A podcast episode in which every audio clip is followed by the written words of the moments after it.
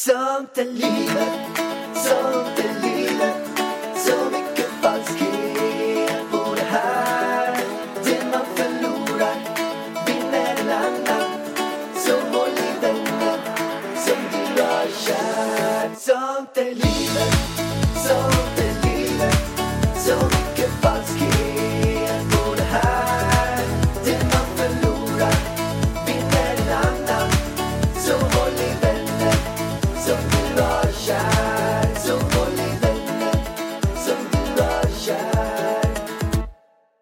och välkommen till Sånt är livet med... Ida. Nej, Alex. Är det Alex först? Ja, det är Alex först. Okej, kör om igen. Okej, okej. Hej och välkommen till Sånt är livet med... Alex. Och Ida! Ida! Så bra. Underbart. Hur känns det att du och jag sitter här mot varandra, med varandra och ska prata om varandra?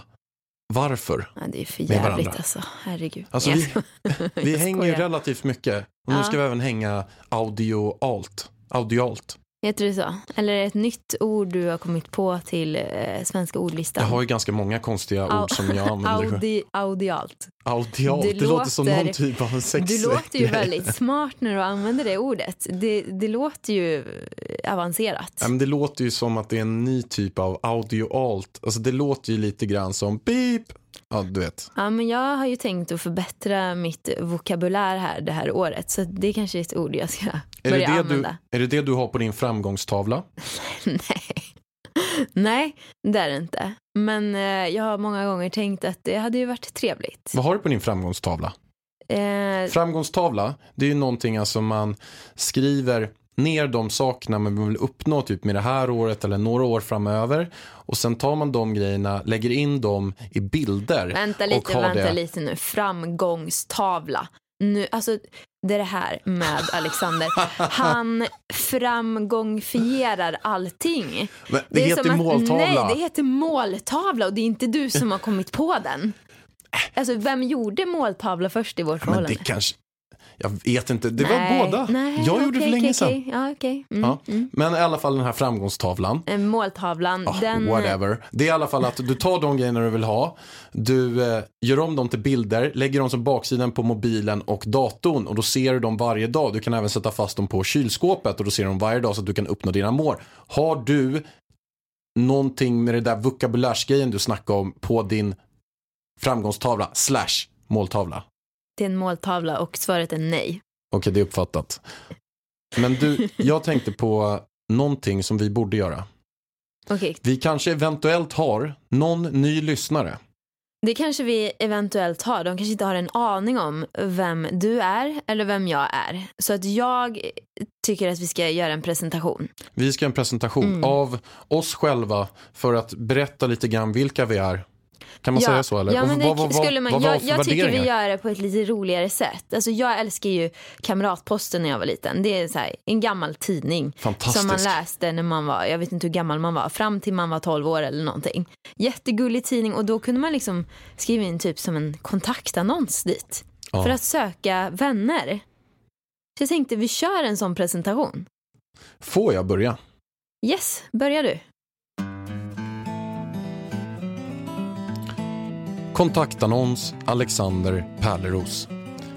Jag är en kille på 33 vårar som precis fyllt år. Hipp hipp hurra, vad glad jag är idag. Jag är fisk som stjärntecken och enligt astrologerna står det att jag som fisk är en känslig person, en empatisk sådan som gör mig till en bra vän och trogen passionerad älskare. Tyvärr kan det ibland slå över till ett självutplånande och självmordsbenägenhet enligt astrologerna. Det kan jag hålla med om. En gång när jag var nära till självutplåning var när jag skulle ta svenskt hamburgerrekord och äta motsvarande 17 Big Mac på en timme. Min magsäck var nära att spricka, men jag lyckades att ta det här svenska rekordet. Men idag är jag vegan. Utöver detta gillar jag att yoga, gå långa promenader, driver flera bolag som Pensionera som jämför pensioner på nätet och mediebolaget Pank Media och även Framgångspodden som är Nordens största intervjupodd. Mitt favoritcitat är “För att få någonting du aldrig haft måste du göra någonting du aldrig gjort”. Stor kram, Alex, din vän. Mm -hmm. Vad tyckte du om det där? Nej men alltså jag tycker att eh, du har, den lät inte riktigt sådär när jag hörde den första gången. Du har lagt till lite från min presentation kände jag. Jag förbättrade den. Utvecklas man Ja, inte så avvecklas snodde. man. Snodde? Ja, så Det var gjorde det. jag inte. Nej. Okej, men är det min tur nu då? Så kan vi prata om det här sen. Det kan vi jättegärna göra. Shabba. Jag är en tjej på 31, jordsnurr och heter Ida Warg. När jag var liten var min dröm att bli syslöjdslärare eller veterinär. Men eftersom jag är allergisk så funkar det inte med veterinär. Men blir jag trött på att posta saker på mig själv i social media så kan jag mycket väl tänka mig att bli syslöjdslärare då jag faktiskt är sjukt bra på att sy, sticka och brodera. På fritiden gillar jag att dansa omkring i lägenheten och vattna mina blommor. För att imponera på er kan jag säga att jag faktiskt varit bäst i Sverige på diskodans och varit med i svenska landslaget under flera år. Men fjärde placering i världsmästerskapen som bäst. En varning till alla som umgås med mig är att alltid se till att jag är mätt då jag annars blir väldigt så kallad hangry. Annars är jag en väldigt trevlig och positiv tjej. Hoppas vi ses. Puss Ida. Den var ju jättesöt. Men jag tänkte mig in här att jag skulle skriva in till just KP. Och skaffa mig en brevvän. Hade du brevvänner när du var liten? Ja, oh my god. Jag hade en brevvän från Turkiet. Är det sant? Var, det- var det en, skrev ni på turkiska då eller? Nej, engelska. Vi tränade ju på engelska. Och jag var lite rädd för henne. Min mamma gillade inte henne för att i breven så skrev hon alltid långa kärleksförklaringar till mig. Så mamma var lite så här, varför skriver hon att hon älskar dig och varför skickar hon presenter till dig? Fick du varje- presenter? Ja, i varje brev fick jag presenter. Det var jättegulligt. Men jag tror kanske att man gör så där. Alltså i Sverige, man kanske inte riktigt säger oh I love you so much. Fast man inte har träffats. Vad, tycker du att det var konstigt? Jag fick, eh, jag hade en brevvän från Norrland som skickade ett suddgum till mig i ett så här hjärta-suddgum. Mhm. Det var det jag fick som present. Ja, nej, jag fick armband och smycken och massa olika saker som hon kanske hade gjort och sånt. Och sen ville hon, hennes högsta dröm var att jag skulle hälsa på henne i Turkiet. Men eh, vi brevväxlade i flera år. Jag tyckte det var jättekul. Eh, och jag, jag vet inte om mamma kommer ihåg detta, men hon var lite orolig. I och med det här I love you-grejen. Man ska nog eventuellt... Alltså jag, tyckte, jag skrev ju I love you tillbaka. Ja, jag förstår det. Jag, lä- jag läste en historia för ett gäng år sedan. Alltså, alltså runt den här tiden då att det var um, någon i USA som hade haft en, en brevvän med en annan i USA. Mhm. Och sen så bjöd de hem den här personen. Och det slutade med att den här personen kom över och styckade Ja, den andra. sluta. Det är sant. Det är ju Nej. helt sjukt. Jo, Du har hittat psycho. på det här nu. Nej, det är helt, det är helt sant. Oh my Men God, de gillar ju, okej. de gillar ju att lyfta sådana såna Tänk om sjuka... det inte var en liten 12-årig tjej jag brevväxlar med. Nej, du kanske brevväxlar med en 55-årig men nu, gubbe. okej, nu spårar du. Jag tyckte att din presentation var den, var... den var bra, men du känner dig ju inte hemma i fiskarnas tecken. Det gör jag inte. Men vad, vad tycker du om det här då? Det stod att jag var en trogen, passionerad älskare och bra vän. Ja. Passionerad. Vad är du tveksam på? Passionerad. Det, är, alltså, det sitter ihop med älskare. Det är inte så att jag är Nej, att du är passionerad till livet. Nej, du, nej, för till, till jobbet är du ju väldigt passionerad. Men jag skulle...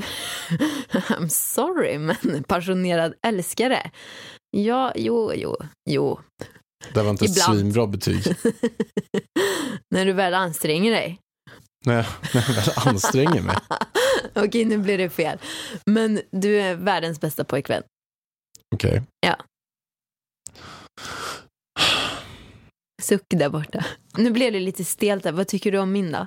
Jag kan kolla vad du skrev. För Men någonting. vad då lyssnade inte du? Jo, jag lyssnar vad du säger. Du skrev att du, var, att du skulle bli syslöjdslärare. Att du hade en dröm om att bli syslöjdslärare och Ja. veterinär. Men du skulle aldrig kunna vara veterinär för att du skulle inte klara av att avliva djur. Det måste man som veterinär. Om man känner att man hjälper ju. Ja, nej, jag är för blödig. Jag hade Nej, men bara skulle du gråtit. kunna, att det kommer in en hund som har gjort illa benet och sen säger man tyvärr kommer vi inte kunna laga den här hunden så vi måste tyvärr stoppa in en spruta så den dör om tio sekunder så har en familj framför Åh, dig. nej, vad hemskt. Du skulle ju känna dig som en mördare då. Ja. Jag skulle känna mig som det. I alla fall. Ja, nej, okej, det kanske inte är ett jobb för mig. Men det var i alla fall min dröm. För jag hade ju med det här, åh, jag får hänga med djur hela dagen. För att jag älskade djur när jag var liten. Och jag fortfarande. Men syslöjdslärare, alltså på riktigt. Jag skulle kunna tänka mig att bli syslöjdslärare. Om det liksom går ut för det här nu. Kunde du korsstygn och sånt? Ja, alltså gud, jag är så bra. Nej men på riktigt, var jättebra. Och det ska jag säga, det är min farmors förtjänst. För att varje dag efter skolan när jag var liten, då gick jag till min farmor. Och eh, hon lärde mig korsstygn, hon lärde mig vanlig broderi liksom, som det är ännu svårare. Hon har lärt mig att sticka, jag har stickat strumpor och mössor och allting, så det var inte liksom bara sticka rakt fram en halsduk så. Eh, sen så har jag ju även, eh, som jag berättade i mitt brev här, tävlat i diskodans. Och då sydde man ju sina tävlingsdräkter. Så att jag och mamma och jag själv ibland sydde liksom mina egna danskläder. Och jag sydde mina egna vanliga kläder också när jag var mindre. För jag tyckte det var så kul. Men sen när jag flyttade till Stockholm då blev det, äh, tiden fanns inte för man måste ju ha tid, det tar ju tid. Och man måste vara inne i så här kreativt flow liksom. För att skapa kläder. Men det är någonting jag brinner för, kläder egentligen. Jag måste ju bara berätta det här när du flyttade till Stockholm. Du och jag träffades för ungefär sju år sedan. Mm. Cirkus. Och då när vi dejtade så berättade ju du för mig så här att nej men jag, bland det bästa jag vet det är att eh, liksom glida runt på riktigt eh, slaskiga efterfester. Vad är det för röst du använder? Men nu? din, jag härmar ju dig. alltså låter jag så? Låt mig prata klart då. Alltså, att du, du sa till mig så här. Nej, men det bästa jag vet är att gå runt på riktigt så här slaskiga efterfester.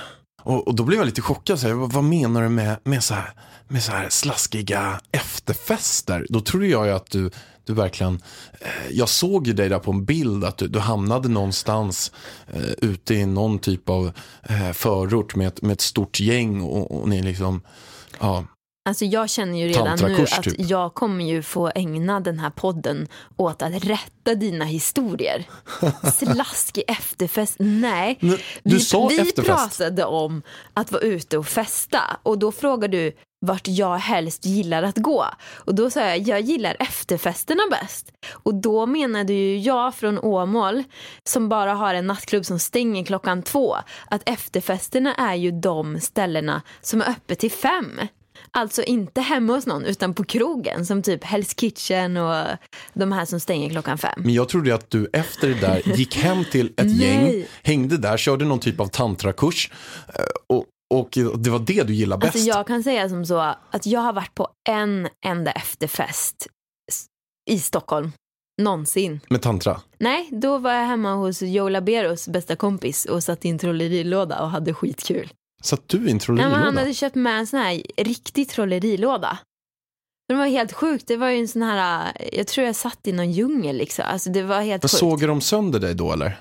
Nej, De- de nej jag blev inte i, i, i söndersågad. Men det, jag kommer inte exakt, det var lite luddiga minnen därifrån. Men jag kommer ihåg att vi skrattade så mycket. Det var någon illusion liksom. Det var väldigt kul. Det låter lite grann som att ni eventuellt hade droger med i bilden. Nej, vet du vad? Jag har aldrig testat droger, kommer aldrig göra.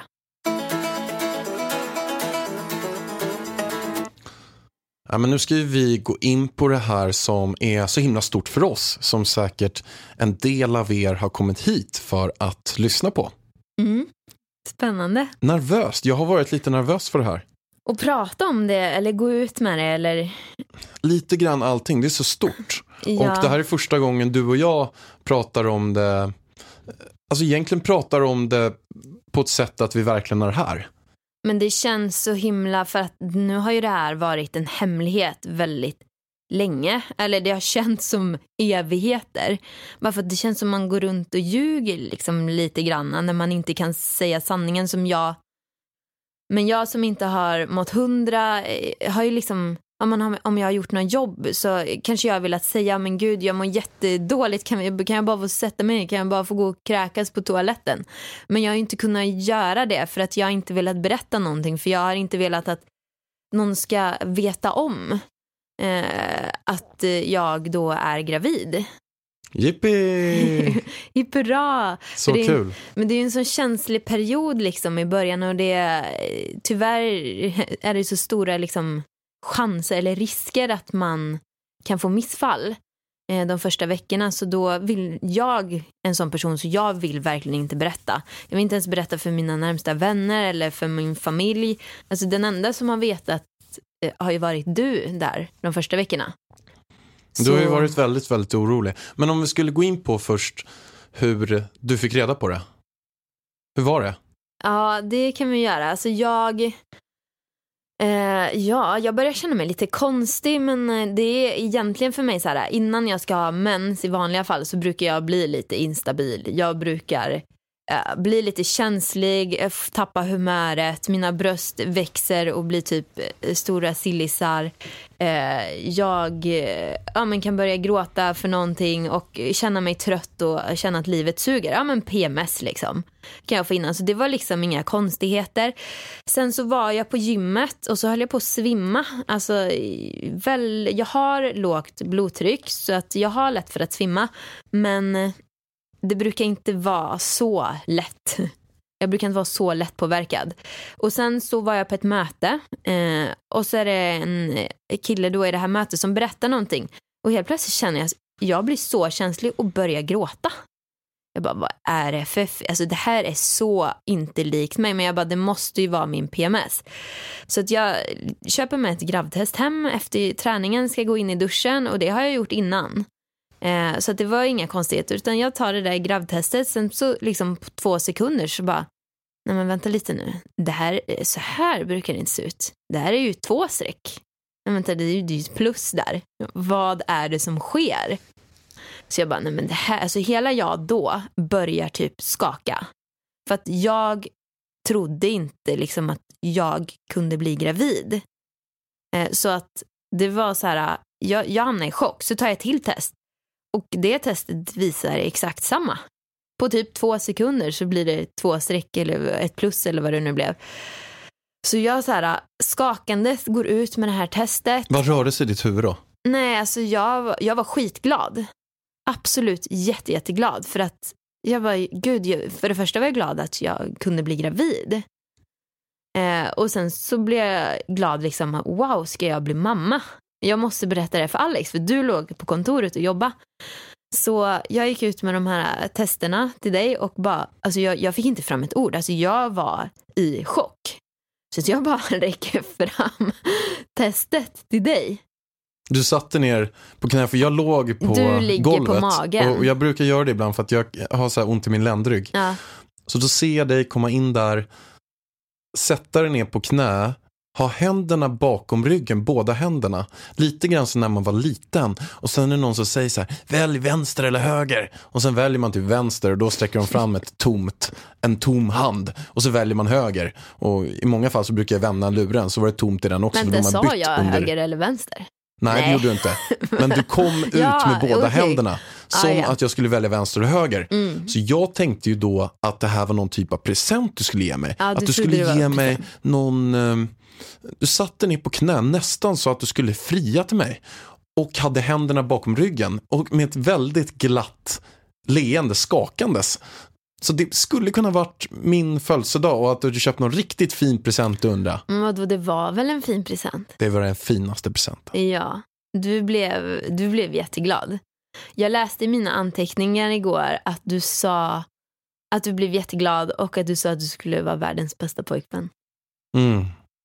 Så härligt. Ja, Men det här med att du eh, inte har trott att du kan bli gravid. mm. Du har ju inte haft mens på jättemånga år, runt sex år.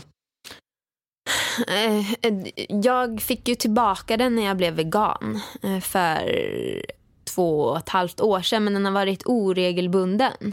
Har den varit. Och typ när jag, ja men om jag ska springa eh, Eh, när jag skulle, vad var det jag sprang? Det var ett lopp jag sprang, en mil. Och när jag tränade inför det, när det blev mycket löpträning. Jag vet att min kropp är väldigt känslig för just mycket träning. Då, då försvann den ju i perioder. Sen när jag hade, ja det var midnattsloppet. När jag hade sprungit klart midnattsloppet kom den efter två veckor. Så att den, det har ju liksom... Så med- kort, men kort och gott så har det men varit den så är här. känslig och jag trodde inte att jag hade någon ägglossning, någon riktig ägglossning. Och den är väldigt svår att tajma liksom för att man vet aldrig när den kommer för att det kan vara helt oregelbundet. Så därför trodde jag att vi, om vi liksom bestämmer oss för att ja, men nu vill vi bli gravida så skulle vi behöva ta hjälp. Så att i min hjärna fanns det liksom inte att jag skulle kunna bli gravid utan hjälp. Så att jag var ju överlycklig.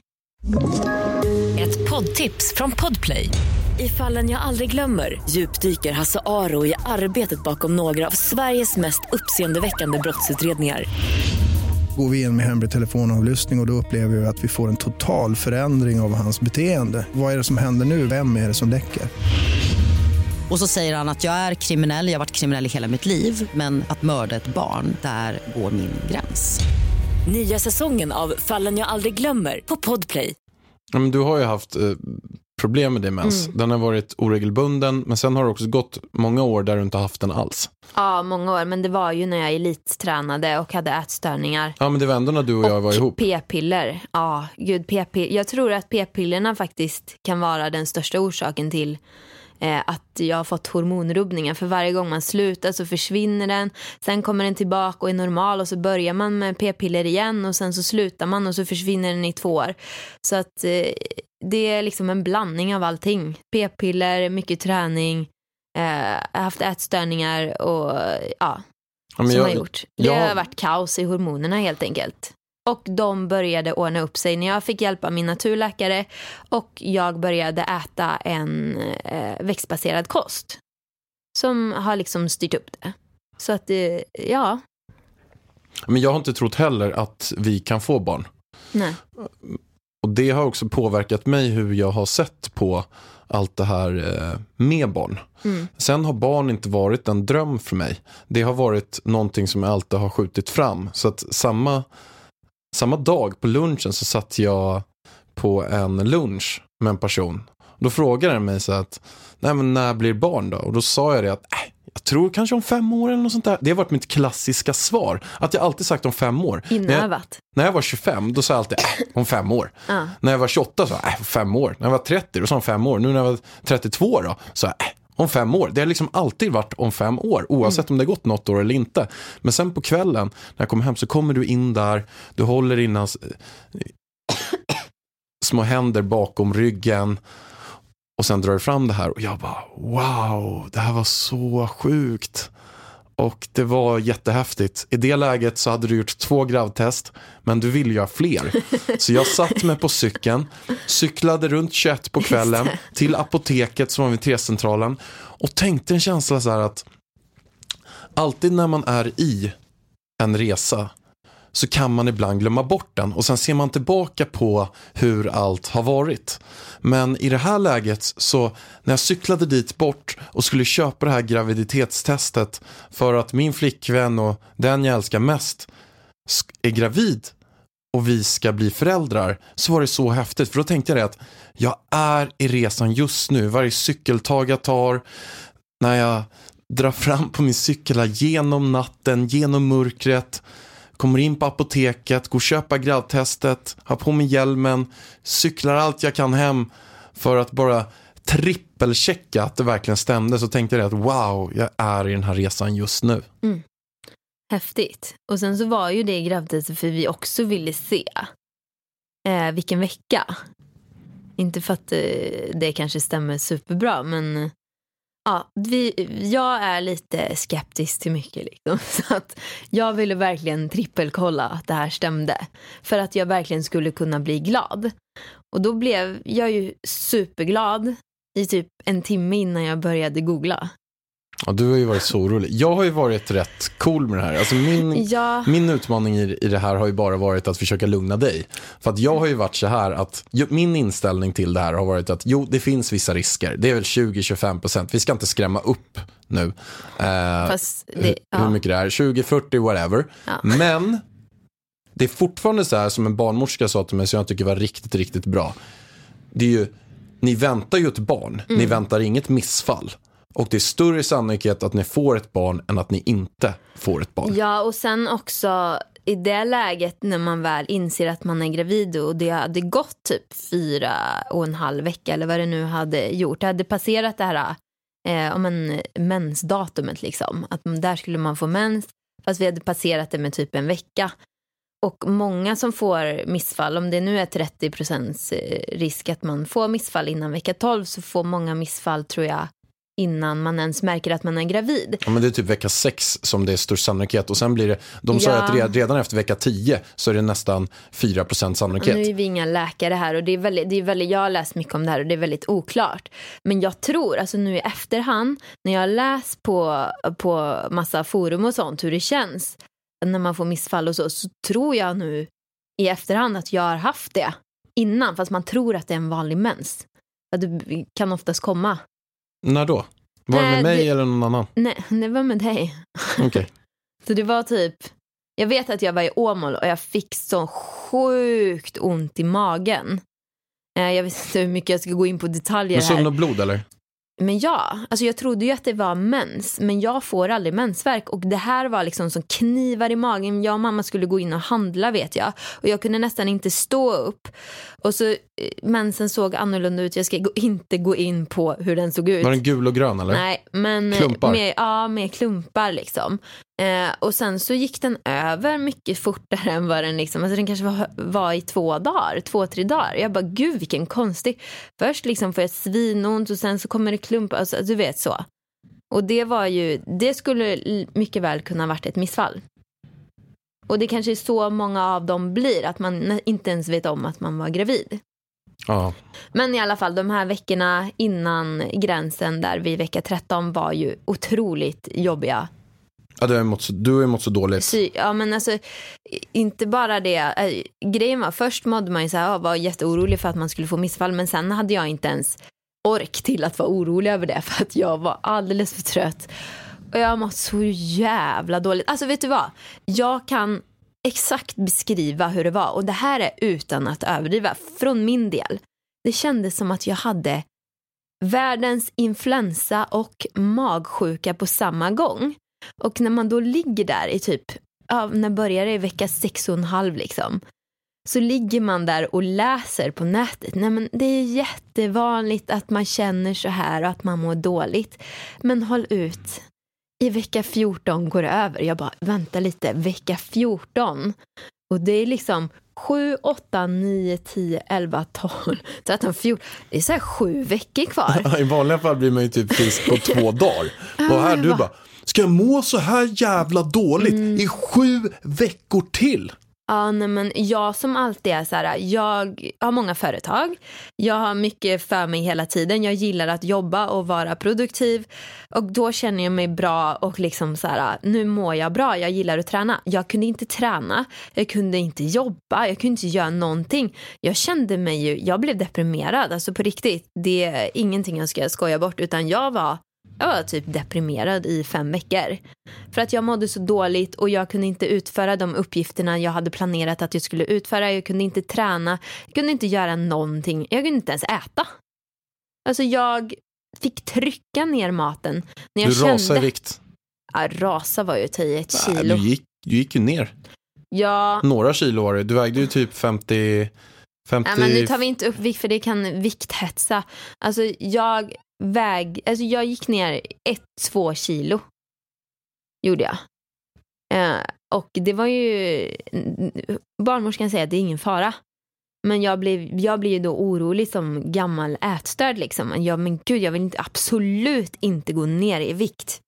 när man ska gå upp i vikt. Och så du var ju skitorolig också för det där. Men det gick inte att få ner mer mat. Alltså det, tog, det tog stopp. Men eh, hjärtat, hur känns det för dig då att bli pappa?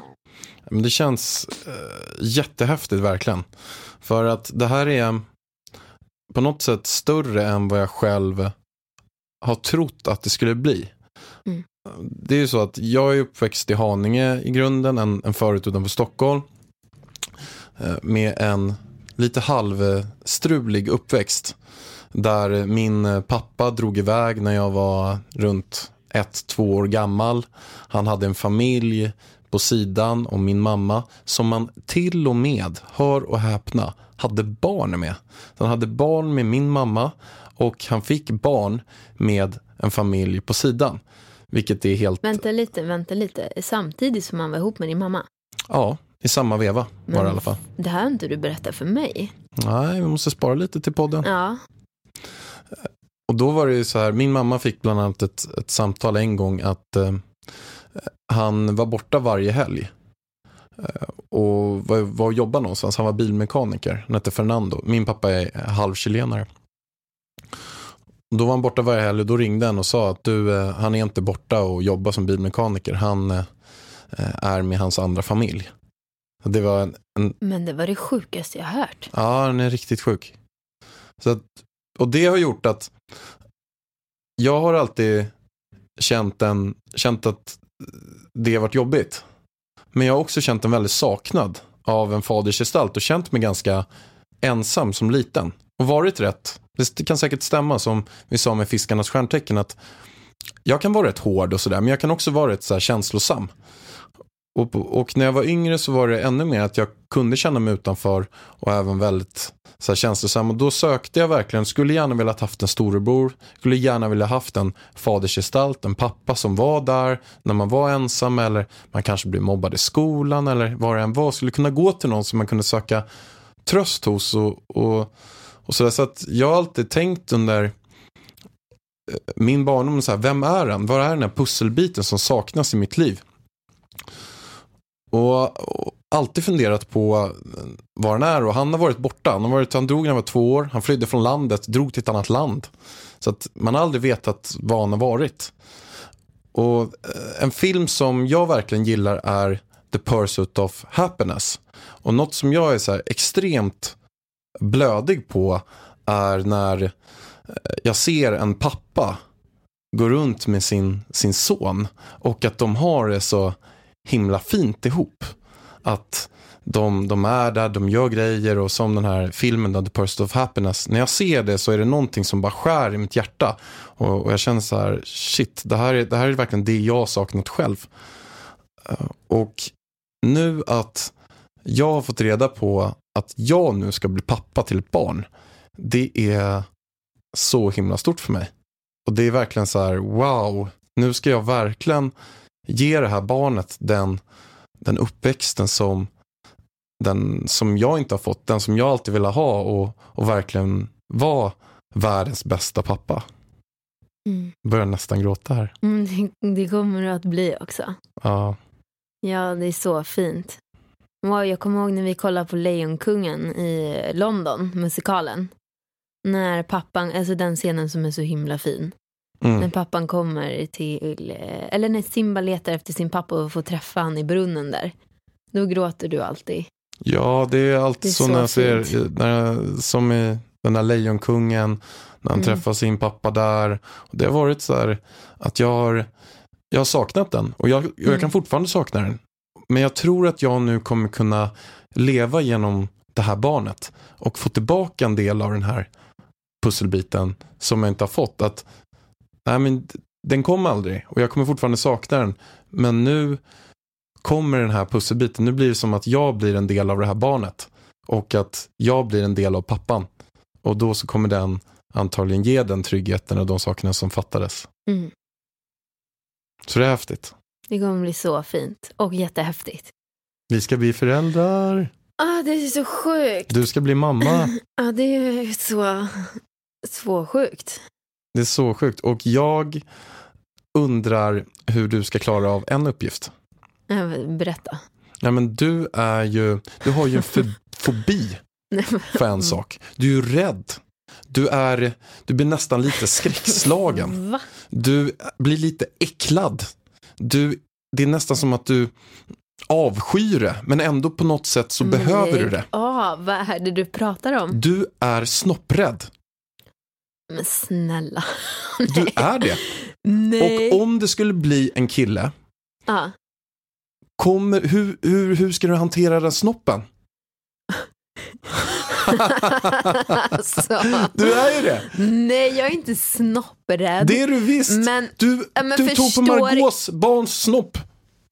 Du tog på hans Nej snopp. men sluta, jag skulle byta blöja på Arnold och då hade jag inte reflekterat över, liksom, jag tänk, man tänker ju att det ser ut som det gör på en själv eller liksom, ja men en tjej liksom. På en själv? Ja, men, Vad så, menar du då? Men jag, du tänker väl, om det kommer ett barn så tänker väl du att den ska se ut som dig? Men om om jag skulle få en Men om- flicka så skulle jag väl veta att det inte ser ut som mig, som en ja, snopp men skulle på en inte flicka. du, om du då första gången tar den här våtservetten och ska torka av den lilla eh, könet där nere.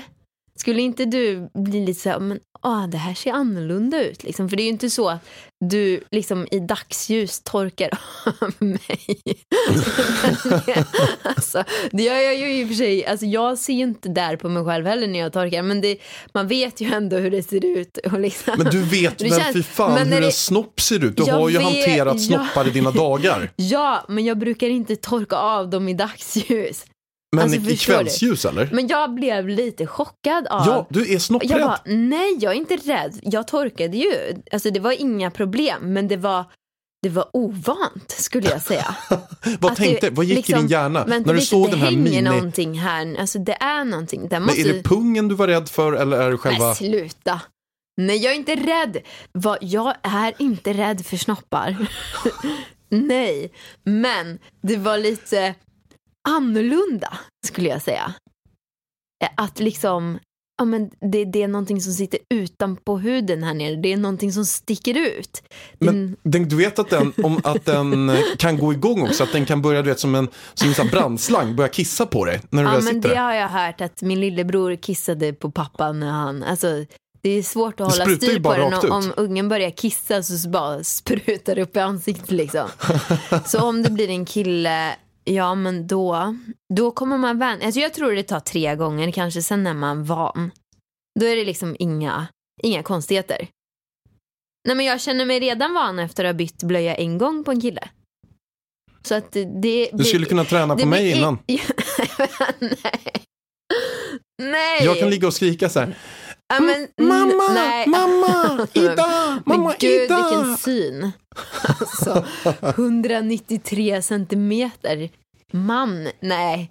Och ligga där på ryggen. Men snälla. Det är ju inte så stor skillnad Vilken på, jävla på typ megablöja du bö- bör ha. Ja, fast det är inte så stor skillnad på Arnolds eh, snopp och min snopp. Det är ju ungefär Ja, samma. men sluta, nu, nu, nu lugnar vi ner Nej, oss. nu lugnar vi ner oss. är Det har du helt rätt i. Nu går det Arnold är överstyr. mycket sötare än dig. Ja, det har du rätt i. Den är mycket finare och sötare. Precis. alltså, Du, vad du, är du är för röd. frågor? Du är röd i ansiktet. Nej men alltså, vad Du- är det för frågor du tar upp? Vad, vad ska de tro i första poddavsnittet? Hur ska det här sluta den här podden? Jag undrar hur du ska börja. Vi har men- precis Jag börjat. har precis börjat. Men grejen är att i det här avsnittet, vi kommer inte avslöja hur långt graviditeten har gått. Vi kommer Nej. inte säga vilken vecka, utan det får bli en cliffhanger, eller hur? Det får bli en hanger. En hanger, en bananer hanger. En, kanske en banana Snopper. hanger. En snopper. Det får bli en snopper. Det är ju härligt. Om man Oh har något som God. hänger i luften, då kan man säga att det är en snopper. Istället det här för en- snoppavsnittet. Det här hänger i luften. Vårt första häng- avsnitt kommer typ heta Ida är rädd för snoppar. Alltså, Nej, men man Vad kan inte ha sådana titlar. jo det kan man. Jag tycker att det är så clickbait-titlar. Fast det är ju faktiskt inte en clickbait-titel. Det handlar ju faktiskt om det här nu. Ja, det har rätt Vem i. ställer sådana frågor? Jag trodde ändå att du som har drivit en seriös intervjupodd, Har drivit, jag driver. du driver, eh, skulle komma med någon bättre fråga. Men du, har du lyssnat på något avsnitt av Framgångspodden eller? Vet du Många. vad, vad för saker vi kan prata om Jag där? vet. Jag vet när du, du och eh, gäster pratar om saker ni inte har någon aning om. Som till exempel tantra. Menar du jag när, och Petra när, Tungården? när du och Peter har en tantrakurs. Peter har gått på två timmars tantra-workshop och du har inte ens varit på någon. Nej, men jag har lärt mig av dig och sen pratar jag om Nej, allting men sånt. snälla. Det kan ju vara ett, ett annat avsnitt när du och jag pratar tantra.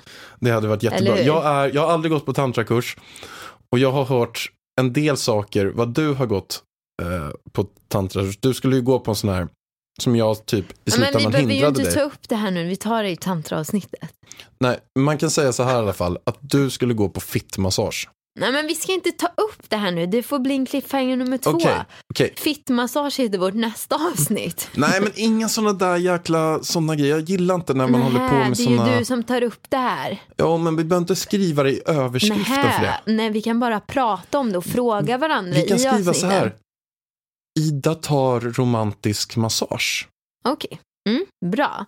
Eh, vi kommer ju ha en punkt i den här podden som kommer vara frågor. Ja. Så jag tänkte vi kör igång med veckans fråga. Jajamän, nu kör vi. Veckans fråga med Alex och Ida. Och då kör vi igång frågan. Hej, jag heter Anna. Jag och min pojkvän har varit ihop i runt fem år. Och vi har stundtals tröttnat på varandra. Hur länge har ni varit ihop och hur håller ni förhållandet vid liv? Ja du, Tjing! vad gör vi? Vad gör vi? Hur länge har vi varit ihop? Vi har varit Ida. ihop i lite drygt sju år. Tycker det var drygt att ha varit ihop med mig i sju år. Ja, vad jävla dryga år det är. Det lät nästan så. Varför säger man drygt? Men alltså drygt betyder ju lite mer än Mm. Jag sju tänker på år. Yes. Den här, eh, Ja, men den är dryg. Den. Den håller lite längre. Och vi håller lite längre. eller? Men jag vet inte, det heter så i Åmål i alla fall. Det kanske är del... Nej, man säger drygt sju år. Menar du fucking Åmål eller? Men tyst. Okej, Alltså, men du, vi måste, hjälpa, vi måste hjälpa Anna nu. Ja, De har varit men ihop i så här, fem år. Vi har varit ihop i sju år. Eh, och det känns som att eh, våra, våra sju år har varit lite så här i stadium, eller olika stadium kan man säga. För vi båda har ju varit, eh, och är väldigt fokuserade på ja, men jobb och träning var det ju också, har det också alltid varit under alla år. Och det är ju någonting som vi har haft gemensamt. Så att för mig har ju du varit både min partner och min bästa vän som jag har kunnat bolla allting med. Och för mig är det det absolut viktigaste, att man inte bara hittar någon man blir dödskär i, men sen har man ingenting mer gemensamt. För att när den här riktiga, eller riktiga kärleken, när den här första kärleken. Alltså det är så mycket konstiga grejer som jag har hört i det här avsnittet. Det säger du nu, att vi, att vi har någon slags halvdan kärlek. Du har sagt att jag gravid inte är passionerad alls överhuvudtaget, Men jag har framförallt också inte sagt att du är sexuellt. världens bästa pojkvän. Ja, och det känns ju som att du sa bara för att du precis Nej. slaktat mig att jag inte är passionerad. Nej, så är det inte. Utan vart var jag? jag? Jo, jag sa att jag skulle inte kunna vara ihop med en kille som jag bara är dödskär i. För att den dödskärleken som man känner, nyförälskelsen, dör kanske efter drygt ett år. Och då har man ingenting gemensamt då. Då, då har man ju ingenting. Helt men enkelt. ingenting. Nej, så att hitta någon som du har kul med, för att jag har väldigt kul med Alex. Och eh, hitta någon som du kan diskutera saker med, eh, som du kan bolla saker med, som, som blir din bästa vän. Men som du ändå har en attraktion och kärlek till. Eller vad, vad säger du? Nej, men du har ju också ett annat tips.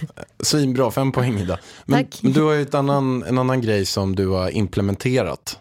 Men det, det kommer ju nu, alltså sen måste man ju hitta på på vägen. För visst, man har varit ihop länge, man kanske börjar störa sig på saker och eh, ja, eh, blir lite uttråkad. Då måste man ju, för det första tycker jag att vi har haft projekt som nu lägenheten. Många par eh, gör ju slut när de köper en lägenhet och ska renovera. Det tar ju slut på förhållandet. Men våran, vårat blev ju tvärtom.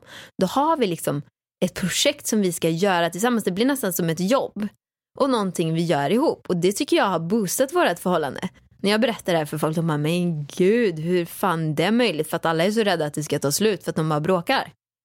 Ja, och där kan man säga våran husrenoveringsprojekt, eller vi har inget hus, men vi har en Lägenhet. lägenhet. Så var det till och med så att under fyra månader så hade vi ingen toalett för de höll på att renovera. Så vi fick ta hissen ner till källaren och gå på toaletten där nere och duscha. Ja. Så jag åkte ner ganska ofta bara i kallingar och stod med tandborste i munnen. Och sen ibland så kom en granne in, också i den här Och hissen. det fanns inget ljus i duschen där nere, kommer du ihåg det? Men vi, och sen åkte vi också på husbilsemester förra sommaren. Ja, det där var alla bara, men gud, hur vågar ni? Det kommer ta slut. Men alltså, vi har aldrig bråkat så lite. som Nej, och vi då- var på husbilsemester. Då hade vi, det var ju totalt åtta och en halv kvadrat. Så vi hade åtta och en halv kvadrat vi bodde på, men hela världen utanför. Ja men vad fint. Klyschigt. Eh, så våra tips är alltså köp en lägenhet och renovera och åk på husbilssemester. Det är ett Jag tips, skojar, men du missar skojar. ju... Ja men nu kommer jag, jag kommer till mitt. Sen så tyckte jag så här, nej, när jag var ung, då tyckte jag att det var så mysigt att pussas med mina pojkvänner. Alltså man hånglade liksom när man var ung. Hur många har du haft? Ja, det är runt 50 stycken pojkvänner. Nej. Nej, men jag har inte haft många. Men mina förhållanden har varit hyfsat långa ändå. Men i alla fall, man hånglade och pussades mer när man var ung. Och då kände jag så här, oj, oj, oj. Nu har vi tappat det. Det gör inte jag Alex. Så då införde jag 10 pussars regeln i vårt förhållande. Och det tycker jag att det har ju blivit bra. Det blir jättebra, så att vi måste, måste, ska man inte säga, Kjell Enhage säger vill. Vi vill pussas tio gånger minst per dag. Precis. Man ska byta ut måste mot vill, det är en annan, ett Nu annat måste jag tips. faktiskt ge oss en läxa till nästa vecka. Det är mitt fel faktiskt att vi inte har pussats för att jag har mått så dåligt så jag har inte velat pussats Nej, eh, under sant. den här graviditeten. Så att det, det, nu mår jag ju bättre så att nu eh, är den regeln på igen. Så, men det är en mycket bra regel. Jag har ett annat bra tips som jag faktiskt lärde mig, eller vi lärde oss av Mona Esmalesade som var med i Framgångspodden. Och då frågade jag henne, de har också varit ihop väldigt länge, så jag frågade henne, vad har varit din nyckel till en lång relation? Med dig och din man. Och då sa hon så här att, ja, men jag går efter en modell som är alltså att man lägger en timme om dagen ihop, en dag per vecka, en helg per månad och en vecka per år som absoluta minimum. För man måste hela tiden hitta på grejer. Och det tycker jag att vi är ganska bra på, det tänker jag en del på. Att bra, men nu sitter vi och pratar den här timmen varje dag om någonting. Vi kanske spelar spel och sen ska man ha en hel dag varje vecka. Och sen på det, som sagt, en helg varje månad. Den kanske vi failar på lite va? Alltså den en är hel nästan helg. svårast. Den är alltså. nästan svårast. En lördag och en söndag. Och då ska man ju ha de här andra också. Man ska ju föra den här timmen hela tiden. Eh, En vecka per år klarar vi. Ja, vi brukar ju problem. alltid åka på semestrar Det är tillsammans. många veckor per år vi, vi ändå hänger. Alltså Ja. bara hela veckor. Men det är den här helgen Jobbet månad. failar upp eh, helgen. Ja, för man sitter ju och jobbar en del. Det är det. Nej, ja, och jag eh, träffar ju kompisar på helgen. Jag menar, de måste jag ju också hålla relationen Underhålla ja. Ja, men vi brukar ju alltid, alltså vi är ju inga festprissar så vi ses ju alltid fredag och lördag kväll i alla fall. Oftast. Verkligen. Ja, vi är hyfsat bra på det här. Men det är ett, i alla fall ett superbra tips. Och sen det är också som vi gör att vi har ju våra egna liv. Jag har ju de grejerna jag håller på med och Ida har de sakerna som hon håller på med. Och vi gör inte allting ihop. Nej, alltså det tror jag kan vara nyckeln, speciellt när vi har varit yngre nu då. Eh, vi blev ihop, jag var väl 24 och du var 26 eller någonting. Och då kanske man är lite så här, ah, men man kanske inte är redo för ett långt förhållande ibland. Kanske man tänker, åh men gud, singelperiod och hit och dit. Men vi har ju liksom, jag har åkt på mina semestrar med mina tjejkompisar, du har åkt med dina killkompisar, du har haft dina jobb, du har tränat med dina kompisar. Och jag har ju från många av mina tjejkompisar, bara, hur kan du låta han åka iväg och hur kan du? Jag bara, men snälla någon. Om, om Alex vill åka iväg på en semester med sin killpolare, då ska väl han få göra det. Alltså att man inte kontrollerar varandra för mycket, att man begränsar varandra. Det tror jag är en nyckel också, att man har sina egna liv så att man inte lever ett liv bara ihop. Att man också har, sen så kommer det kanske bli lite annorlunda när man skaffar barn, att nu har vi ju, kommer vi få ett barn ihop, ett projekt ihop och då måste man ju mer leva som en. Man vill mer leva som en. Ja men precis, man vill mer leva som en, för det kommer man ju vilja, för du kommer ju vilja vara med mig och barnet och jag kommer vilja vara med dig och barnet. Verkligen. Ja. Så det kan vara ett tips. Det är ett jättebra tips. Mm. Och vi skulle jättegärna vilja ha frågor Ja. från er. Vad vi ska svara på. Det kan vara exakt allting. Det kan vara relationer som den här frågan. Och det kan vara hur stor är rymden? Vad äter en vanlig eh, djungelapa till frukost? Eller berätta dina tre tips för att lyckas. Det kan vara exakt vad som helst. Och då har vi gjort en specialgjord mail för de här frågorna som går till idavarg.idavarg.se idavarg.idavarg.se. Vi läser varenda fråga. Skicka gärna, skriv som sagt exakt vad som helst. Och ju mer, ju konstigare, ju bättre frågor, desto bättre. Ja, då kommer vi svara på dem. Minst en fråga i varje podd, eller hur? Ja, typ två kan Ja. jag nästan känna. Ja, beroende på hur invecklad den är. Hur kändes det att det här gick? Vårt första poddavsnitt. Vet du vad, jag tycker det känns väldigt bra. Jag tycker det känns eh, kul att vara tillbaka att podda för att jag har ju haft ett litet uppehåll. Jag poddade ju med världens bästa Viktor förut. Eh, och saknar podda lite grann. Så det känns skitkul att göra det tillsammans med dig. Tack. Och eh, jag ser fram emot att fortsätta podda det här året. Och jag hoppas att ni alla kommer lyssna och trycker nu på prenumerera och eh, skriver bra recensioner om oss i iTunes. Eller Det måste ni göra. Ge oss fem stjärnor. Och om ni bara tycker så att nej men det här var fyra stjärnor, ge oss fem. Tänk på karman. Det man ger får man tillbaka. Precis. Hur känns det för dig då? Jag tycker att det känns jättekul. Mm. Jag har ju varit lite orolig för det här avsnittet. Jag är ju en, på, på många saker jag gör är jag en perfektionist. Mm. Så att jag är så här, okej men hur ska vi lägga upp det, hur ska det liksom bli? Eh, men jag tycker att det blev, eh, alltså det blev mycket bättre än vad jag trodde. Jag trodde att det skulle bli bra men det, det här känns jättebra. Jag är jätteglad att få göra det här med dig och dela den här fina stunden med dig. Mm, vad fint. Vi ser fram emot att prata med er framöver. Tack för att ni lyssnade idag. Tack så hemskt, hemskt mycket. Sånt är livet, sånt är livet Så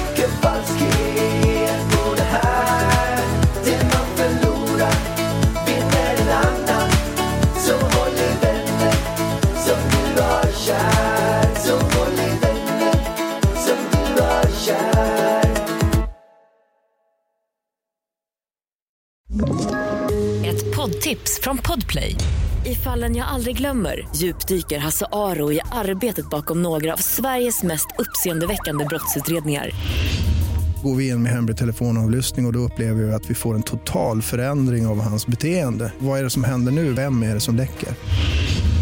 Och så säger han att jag är kriminell, jag har varit kriminell i hela mitt liv men att mörda ett barn, där går min gräns. Nya säsongen av Fallen jag aldrig glömmer på Podplay.